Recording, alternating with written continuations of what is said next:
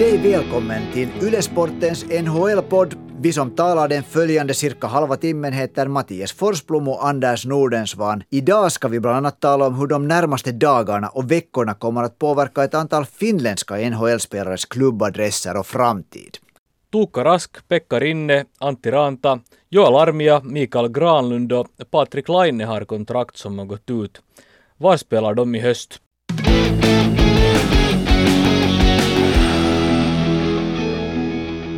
Allra först ska vi ändå titta lite bakåt. Mattias, Tampa gick sen inte alls att rubba i Stanley Cup-finalserien. Nej, det gick faktiskt inte och Tampa Bay gällde ju som klar förhandsfavorit och vann välförtjänt. Det blev ju inte så intressant här i finalserien. Det var kanske så att eh, Montreals bensin helt enkelt tog slut och Tampa Bay vann ju den här matchserien som, som avgjordes för snart en vecka sedan med, med 4-1 i matcher. Var du Anders besviken över att ditt favoritlag Montreal inte lyckades utmana när de för en gångs skull tog sig så här långt? Jag försöker ju undvika att sätta personliga känslor dess mera in i det. Men om jag nu ska vara ärlig så det där, jag kunde ju på det sättet inte, eller jag tycker att ingen Montreal som gillar Montreal egentligen ska vara besviken för att det var nog en osannolik vår för Montreal och de fick nog ut allt av sitt kunnande. Med några dagar, med några dagar bakom sig när man kunde fundera på det här och det där så det var nog helt enkelt så att Tampa var ett klart steg bättre än Montreal och egentligen så tycker jag att Tampa testades allra mest i serien mot New York Islanders. Att på det sättet så kan man väl säga att Montreal fick en lite lättare väg till, till finalen och, och, det, var nog, det var nog det där. Det var nog rätt lag som vann så vi kan kanske eh, paketera den här NHL-säsongens spel med att säga att, att det där att rätt lag vann Stanley Cup och det var ett, en positiv överraskning som kom till finalen. Men en fråga ännu skulle jag ha till dig. Vad tror du, kan Tampa vinna en tredje titel på raken? Helt omöjligt är det inte, men, men nu kommer Tampa att tappa så många nyckelspelare. Man hade ju problem med lönetaket inför den här säsongen och lyckades trixa lite med det och hade Nikita Kucherov på skadelistan under hela grundserien. Nu ser det ut som att Tampa Bay kommer att tappa en del spelare och jag tror att eh, Tampa får nöja sig med två mästerskap för den här gången eller under den här eran. Och därmed tycker jag att vi kan säga att nu har vi diskuterat spelet som har gått. Nu är, nu är säsongen över och nu börjar vi att blicka framåt. En del finländska spelare som, som eh, är lite mera veteranspelare som nu blir också kontraktlösa men som har funnits så länge i NHL de får själv egentligen då ha, ha fria händer vart de vill åka, med vem de har kontrakt, vem de förhandlar med, det så kallade obegränsade fria agenter. Och där har vi till exempel några målvakter som är riktigt intressanta. Tuukka Raske, Finlands kanske bästa målvakt. Han har, han har suttit på ett kontrakt som var åtta år långt och värt 20 miljoner dollar per säsong i snitt. Det har nu löpt ut under sommaren och det här innebär att, att Rask behöver ett nytt kontrakt om man ska fortsätta sin NHL-karriär. Här för inte så länge sedan så framgick det ju att eh, Rask är i behov av en höftoperation och om man ska spela i NHL nästa säsong så är det aktuellt med en, en comeback i januari eller februari. Tror du Anders att uh, Tuukka Rask fortsätter sin karriär i Boston? Om han fortsätter sin karriär så fortsätter han den i, i Boston. Det har han, ju, han har ju helt tydligt sagt att han tänker inte spela någonstans annanstans än i Boston. Han har också sagt att han tänker inte göra någon comeback i FM-ligan i gamla, gamla eh, det där dagar. Så han, han det där har ju nog så, så det där klart som man bara kan göra det har sagt att det, liksom att, att, att det lönar sig inte för någon att ringa till honom att han, han fortsätter i Boston eller så fortsätter han inte alls. Jag är av samma åsikt. Om, om man kollar lite på hur snacket har gått i Nordamerika så tror ju de flesta att eh, Tuukka Rask kommer att, eh, att förlänga med Boston ett, ett kontrakt som kan vara kanske ett eller, eller två år långt. Han har tjänat nu 7 miljoner dollar per säsong. Hur mycket tvingas han gå ner i lön eller tvingas han alls göra det? Det är ju intressant det här för att det där, uh, jag, jag, jag utgår från att han, han kommer att gå ner i lön. För han kommer säkert inte mera att spela sådana matchmängder som han spelar som ung. Det blir, det blir väl nu helt sådär liksom maximalt 50-50 och de behöver ju då det där för att de behöver ju då en annan målvakt också. Jaroslav Halak kanske då inte fortsätter i, i Boston mera som har varit andra målvakt. Det är inte heller helt klart men oberoende så det där kommer nu Boston, äh, kommer Tuukka Rask definitivt vara andra del i en, i en tandem och jag tror att, att det där att han nog får vara förberedd på, och jag tror att han gör det utan något större problem, att han kommer en del ner i sin lön nog. Det tror jag också Tuukka Raska under sin karriär tjänar drygt 60 miljoner dollar, så, så jag tror också att uh, Tuukka Rask kommer att ta ett Eh, lagvänligt kontrakt för att man ska kunna förstärka med, med relevanta förstärkningar. Bostons Stanley Cup-fönster är ju inte knappast öppet sådär jättelänge mer. Man har en del nyckelspelare på, på utgående kontrakt och andra nyckelspelare börjar komma till åren. Men jag tror att Boston, Boston har möjlighet att vinna under de kommande säsongerna. Så jag tror att, att Tuukka Rask försöker vinna en Stanley Cup i Boston och skriver ett ett eller tvåårigt kontrakt som kanske är värt tre miljoner dollar per säsong. Så har vi ju också en annan veteranmålvakt som det där det har spekulerat mycket om att kommer han att fortsätta överhuvudtaget sin karriär och det är då Nashville-ikonen som är i sin klubb en ännu större ikon än vad, än vad Tuukka Raske i Boston. Pekka Rinne är Nashvilles genom tiderna mest populära spelare. Han, det kan man verkligen säga att han är en spelare som är älskad i Nashville. Och han har också sagt att han kommer inte att spela någonstans annanstans. Att om han fortsätter att spela så, så det där, är det i Nashville. Och jag tycker att det där om har varit ganska tystlåtet när man har frågat honom själv. Jag tycker att allt som jag har kunnat liksom läsa från hans, vad han säger så är att jo, att han tänker fortsätta att spela. Ja, Pekka Rinne vill nog fortsätta spela i, i Nashville. Jag tror, jag tror att klubben också kommer att erbjuda honom ett kontrakt. Jag tycker inte att Pekka Rinne alls var dålig. Han har ju spelat betydligt mindre nu under de senaste säsongerna i jämförelse med tidigare, men, men han, han var ingalunda dålig som eh, andra målvakt i Nashville då bakom Jose Saros. Rinne är ju 38 år gammal och, och har ju tjänat ganska bra under det senaste kontraktet också som var värt 5 miljoner dollar per säsong. Jag tror att Pekka Rinne kommer att skriva ett ettårskontrakt med, med Nashville och ja, förmodligen ett, ett kontrakt som inte är värt speciellt mycket, ungefär ganska nära minimilönen som, som, som då är knappt en miljon dollar. Så mitt tips är att Pekka Rinne skriver ett ettårskontrakt med Nashville som är värt en miljon dollar per säsong. Och då ska vi komma ihåg att Nashville har en annan finländsk målvakt också som nu tog rollen som första målvakt. Och det är ju någonting säkert som man då vill hålla den här, den här, den här liksom samarbetet mellan eh, Jose Saros och Pekka Rinne var ju någonting som fungerar verkligt bra och många var av den åsikten, jag tror de har ett goda orsaker att vara av den åsikten att just det att, att Pekka Rinne var som ett sånt här stöd för Juuso Saros inom organisationen så gjorde att Juuso Saros kunde vara så stark och så bra som han var under den här vårsäsongen. Och det där. Och Saros kontrakt gick ju också ut nu. Han hade ett, ett med NHL-mått verkligt billigt kontrakt. Det var 1,5 miljoner dollar per år som han förtjänade per, på ett tre, treårskontrakt, så det var 4,5 miljoner sammanlagt. Han är, han är en spelare som fortfarande då Nashville har alla rättigheter till och honom vill de hålla där. Så då blir det säkert en sån här tanke att man fördelar de här pengarna liksom för målvakt. Man har en viss budget som som man vill sätta på målvakter och den fördelar man mellan Saros och Rinne och då är det såklart så att Rinne själv också inser att han kanske spelar 20 matcher och är säkert också så pass förmögen vid det här laget att han gärna, gärna ser att Saros får, får det där ett riktigt bra kontrakt. Absolut, det kan hända att, att Saros och, och Pekka Rinne bara be lönekontoret att byta ut kont kontonumren. Rinne tjänar förra säsongen 5 miljoner dollar per säsong och Saros alltså då 1,5 miljoner. Och, och, och, Saros var ju så duktig den här säsongen. Han inledde ju säsongen lite svajigt och sen plötsligt så hittade han en, en helt ny nivå och var, var alldeles förträfflig då, då han tog Nashville till slutspel. Så Jose Saros är definitiv spikad etta och kan räkna med ett långt kontrakt vågar jag gissa och med en rejäl löneförhöjning. Och en kille som kan vara de följande tio åren Nashvilles första målvakt. Absolut.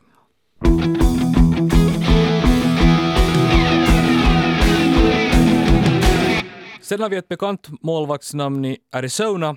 Antti Ranta, 32 år gammal, vars treårskontrakt nu löper ut. Och det här är ju en riktigt spännande spelare med tanke på kontraktskrivningen. Tror du att Antti Ranta kommer att få ett nytt NHL-kontrakt? Det är en bra fråga. För det första ska vi säga att Antti Ranta har ju bevisat att han håller en mycket hög NHL-nivå. Men där finns ett jättestort men.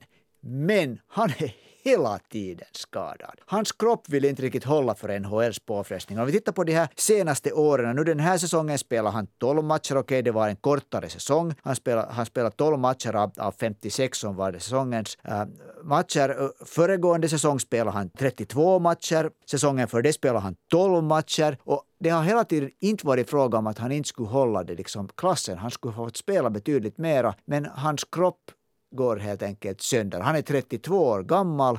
Det verkar som han skulle ha gjort något grundläggande fel i hur han har byggt upp sin fysik för att, för att det där, som sagt, NHLs påfrestningarna är så tuffa att alltid när han spelar en lite längre tid så är det någonting som så att säga brakar. Att jag undrar att finns det någon klubb som vågar satsa på honom?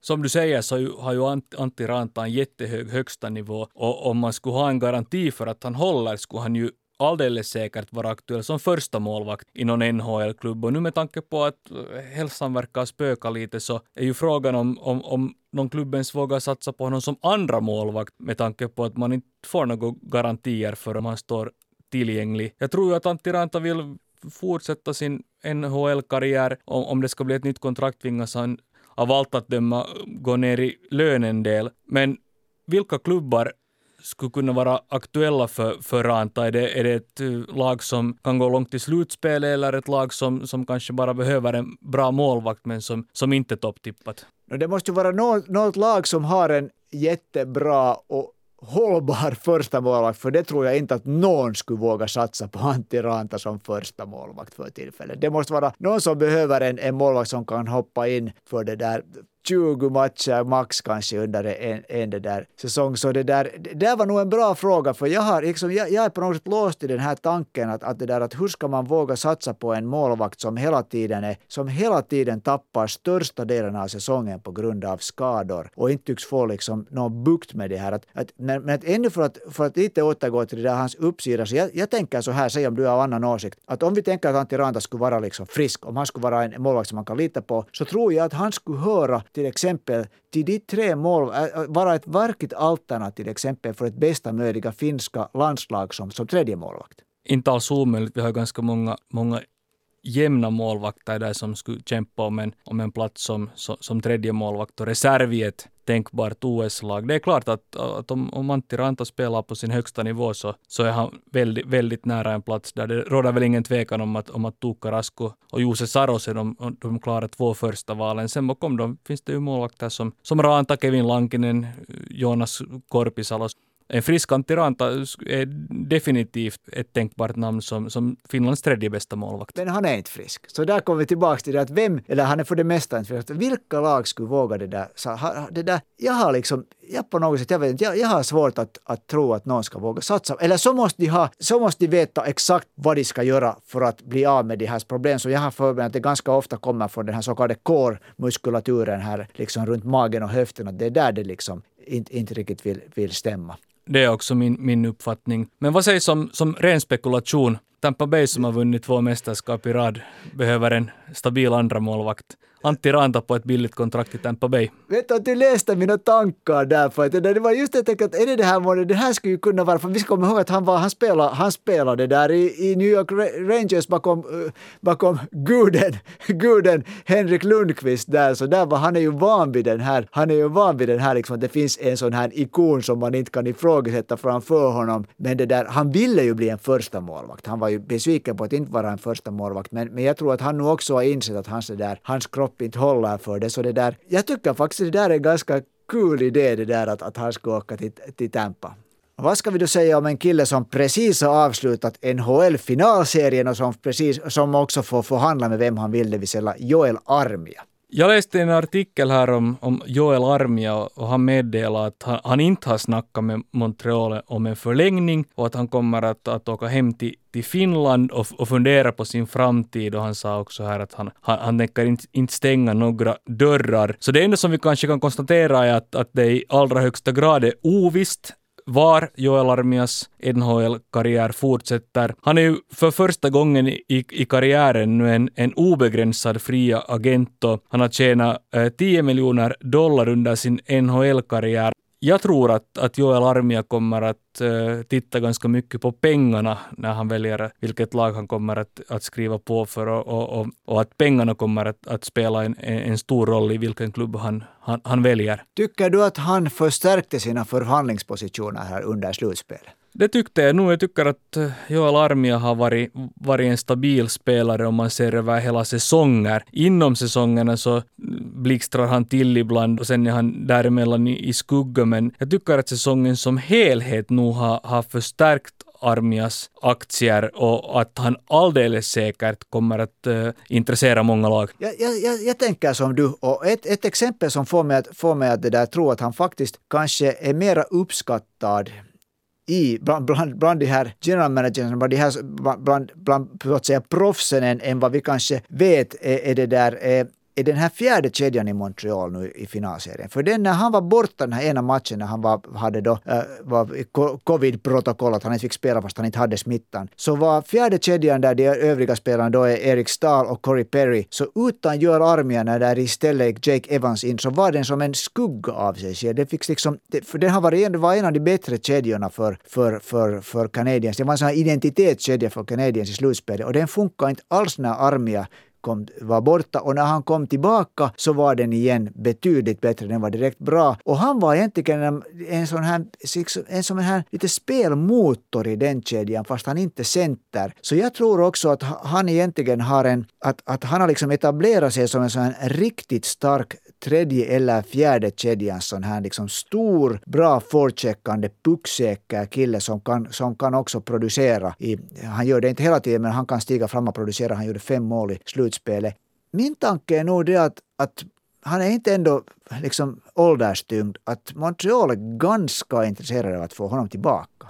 Jo, Armia är 20, 28 år gammal och jag tror väl att han, att han gärna vill skriva på ett långt kontrakt. Det är ofta, ofta en viss försäkring med tanke på framtiden då man är garanterad pengar för alla säsonger. Men även om, om Armia säkert är intresserad av, av pengarna så är han också en spelare som har visat att han kan spela bra i slutspelet och jag tror absolut att Joel Armia kommer att kontaktas av många klubbar som tippas gå långt nästa år och att han kommer att intressera såväl topplag som bottenlag som då behöver en, en, spelare som, som kan producera i en middle six-roll, det vill säga i andra eller tredje kedjan. Så Joel Armia kommer att ha, ha en hel del kontraktserbjudanden på, på, på bordet om två veckor. Apropå spelare som har förstärkt sina positioner, för sina förhandlingspositioner och det där och lyft sitt värde så skulle jag vilja lyfta fram Mikael Granlund som var lite ifrågasatt här. Kanske i, i, sen, han, sen han åkte iväg från Minnesota till Nashville så var, han, så, så var det där så det i över ett års tid ut som att det där är det, månne, är det månne så att hans tid börjar vara förbi. Men jag tycker att den här säsongen och speciellt det här slutspelet så visar Mikael Granlund att han har en bra framtid ännu i NHL. Han är ju en tränarfavorit, John, John Hines i Nashville, uppskattar honom ju väldigt mycket och Granlund har därför spelat en hel del i, i, Nashville klockas faktiskt för de största minuterna i, i, i lagets anfall. Och jag tycker att Mikael Granlund på många sätt påminner lite om Joel Armia. Båda var ju hypade som juniorer. I Finland var ju Armia en målskytt och Mikael Granlund kanske en klassisk center. Eh, Mikael Granlund är i en offensiv roll i NHL till viss del begränsad. Men han har ju sen förbättrat sitt spel över hela rinken och, och, och en pålitlig spelare i, i defensiven och faktiskt eh, en av de mångsidigaste finländarna i ligan. Han tecknade ju då för ett år sedan ett ettårigt kontrakt med Nashville som var värt knappt 4 miljoner dollar och enligt mig fick Nashville bra valuta för pengarna och nu är väl frågan då om, om Nashville har pengarna att förlänga med Granlund eller om han får, får bättre erbjudanden från andra klubbar och då väljer att flytta på sig. Nu är det senaste ryktena att, att, att, att Nashville gärna håller Granlund så det, de, det där kommer att ge åt honom ett kontrakt. Jag tror att han är ett kontakterbjudande och jag tror att han, är, han hör till de här spelarna som kanske är ganska måttliga med vad han är ute. Jag tror att han kan vara ganska nöjd med, med ett kontrakt i den, ungefär på den nivån som, som han nu har haft. Kanske en, en liten det där höjning. Granlund har ju spelat i, i Nashville i, i några säsonger nu och han är 28 år gammal och det som jag tycker att man kan nämna i de här spekulationerna är också att han har familj och, och två barn som rimligtvis har stadgat sig i Nashville Nashville och jag tror att han gärna fortsätter i klubben om han bara får ett tillräckligt bra kontrakt det finns ju en, en, en uppenbar möjlighet att Granlund och Nashville redan är överens, men på grund av den här expansionsdraften så kan Nashville och Granlund inte teckna kontrakt för att om man tecknar kontrakt med Granlund tvingas man skydda honom. Så länge som man är utan kontrakt kan man i praktiken lämna honom oskyddad. Så jag tror att, att parterna kanske redan är överens så att eh, Granlunds kontrakt presenteras direkt efter expansionsdraften.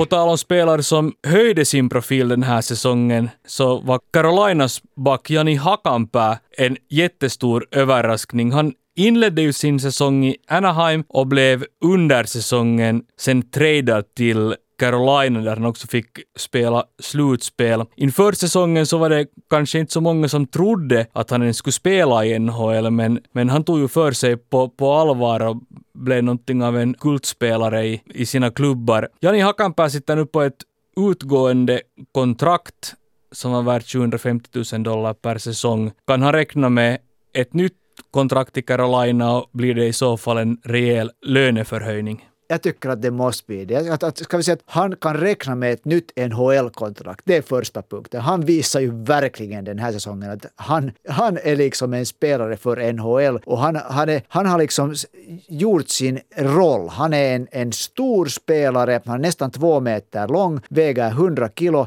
Han var andra i NHLs tacklingsstatistik i grundserien och jag tror att han var andra också i, i slutspelet, åtminstone det skede som, de, som Carolina blev utslagna och var liksom som grymt bra Carolinas tredje par. Han var bra såklart redan i Anaheim, det var därför Carolina ville ha honom. Men jag tycker att han liksom på något sätt kommer jättebra in i det här Carolinas spelsätt som är ganska krävande. Han, var, han det där utvecklar sitt eget spel så att han inte bara, såklart är hans största roll att vara sån här liksom defensiv klippa, men han blev ganska bra på det här att pincha in liksom. Han sköt några mål också. Han, han stödde anfallen bra och han gjorde väldigt, väldigt, väldigt få misstag. Så jag är ganska övertygad om att, om att Carolina vill hålla honom och, och ge åt honom åtminstone så mycket löneförhöjning att han är nöjd.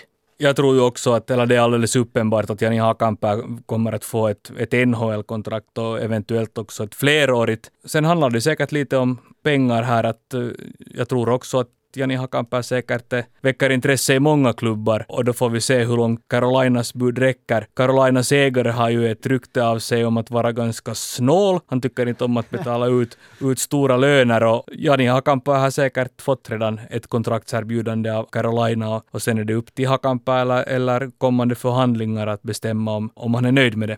Så du säger, det finns nog ett antal klubbar som skulle behöva Jani Hakanpää. Jag vet inte om de är helt övertygade, om de själva ens liksom är medvetna om det. Men ta nu till exempel Toronto Maple Leafs, så där skulle nog en Jani Hakanpää göra ganska mycket gott åt deras bakre linjer. Så det där. Och jag tror att i Carolina vet man att det finns många klubbar som nog skulle vilja ha en sån spelare. Så jag tror också att där finns, där, honom vill man nog inte släppa om man bara får, får hålla, får hålla honom utan att nu det där betalas, betala grymma summor. Men ändå om Jani Hakanpää så mycket att när man tittar på finländska spelare, sådana spelare som man blir liksom glad över att följa och som man liksom tycker att man, på riktigt uppriktigt att den här killen har gått en lång väg, han har förtjänat sin framgång. Så jag tycker att Jani Hakanpää är på något sätt den här säsongens solskenshistoria. Absolut, om man tänker på ett, ett potentiellt vinter-OS, så för ett år sedan så tror jag att det knappast var någon som hade Jani Hakanpää i en, en, en spelande backsexa i, i Finlands lag. Och nu tror jag att så gott som alla har spika en roll åt honom i det tredje backparet.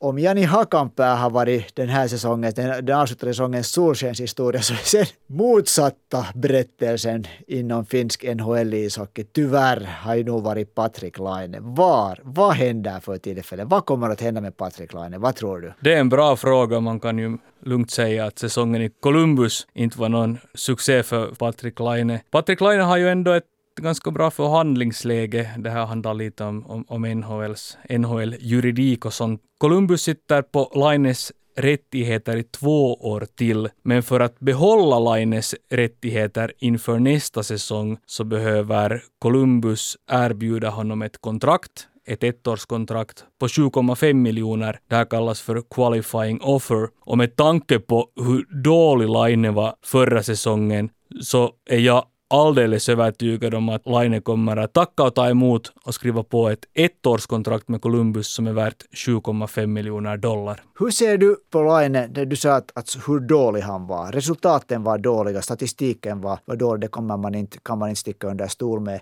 Hur mycket av det här placerar du liksom på, på Laines egna axlar?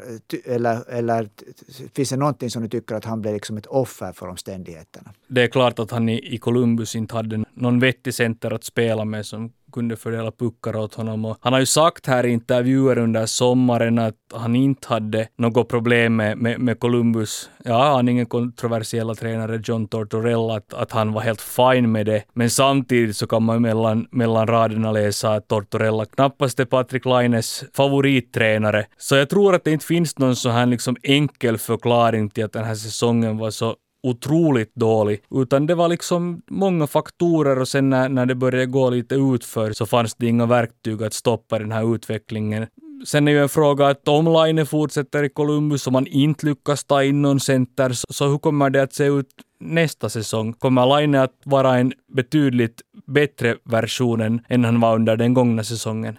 Alltså som du säger så utan en, en center som passar hans spelstil så ser det nog inte bra ut. Jag tycker det är fel på ett sätt att kritisera Patrik Laine som spelare för att han är en spelare som fast han är ung så tycker jag att alla borde veta vad de får med Patrik Laine. Och det är helt klart att, att om han liksom, hans uppsida är jättehög om det där, om, om han får spela med sådana spelare som stöder hans styrkor. Men han är inte den där spelaren som kan hemskt mycket förändra på sig själv och, liksom, och, och göra sig själv en ny roll. Att det är nog Patrik Laine är det här paketet som han är. Och det, han är en av de få spelarna i hela ligan som det där på riktigt en, en, det där, en potentiell 50-målsskytt. Det, och det, det, det, är en så hög uppsida att det där att, att det tycker jag nog att alla på något sätt borde vara medvetna om. Och om man inte får en sån center till Columbus så undrar jag att vill Jarmo Kekäläinen i så fall liksom bli kvar med Patrik Laine?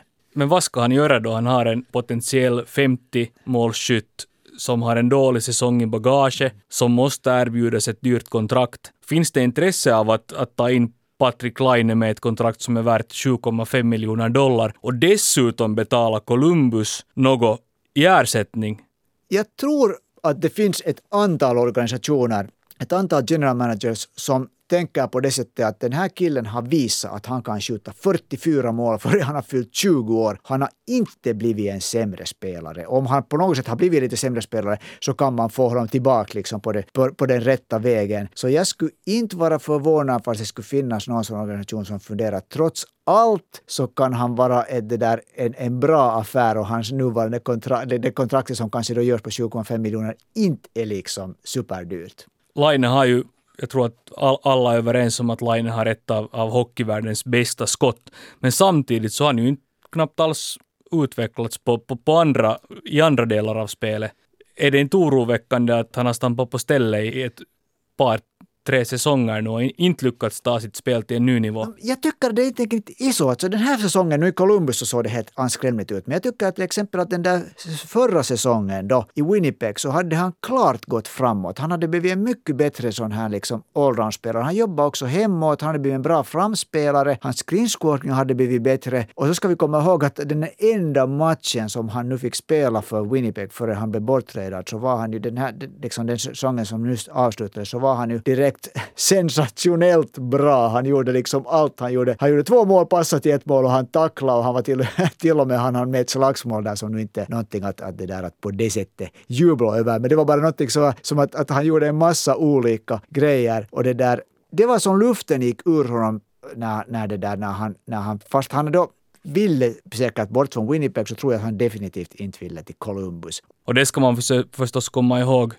Laine är 23 år gammal. Om vi, om vi tittar på Jesse Puljujärvi, vilken resa man kan göra under en säsong, så är det ju också ett bevis på att så här unga spelares nivå kan variera väldigt mycket från säsong till säsong. Jag är kanske inte så jätteoptimistisk beträffande Patrik Laine i Columbus nästa säsong, men om man tittar på det hela från Columbus sida så har man, jag tror att man inte har något alternativ. Man är tvungen att, att syna korten beträffande line. Det får bära eller brista och så fattar man kanske beslut om hans framtid sen efter det. Men det är det också dags att sätta punkt för podden för den här gången. Men vi är ännu tillbaka nästa vecka, så tack och hej!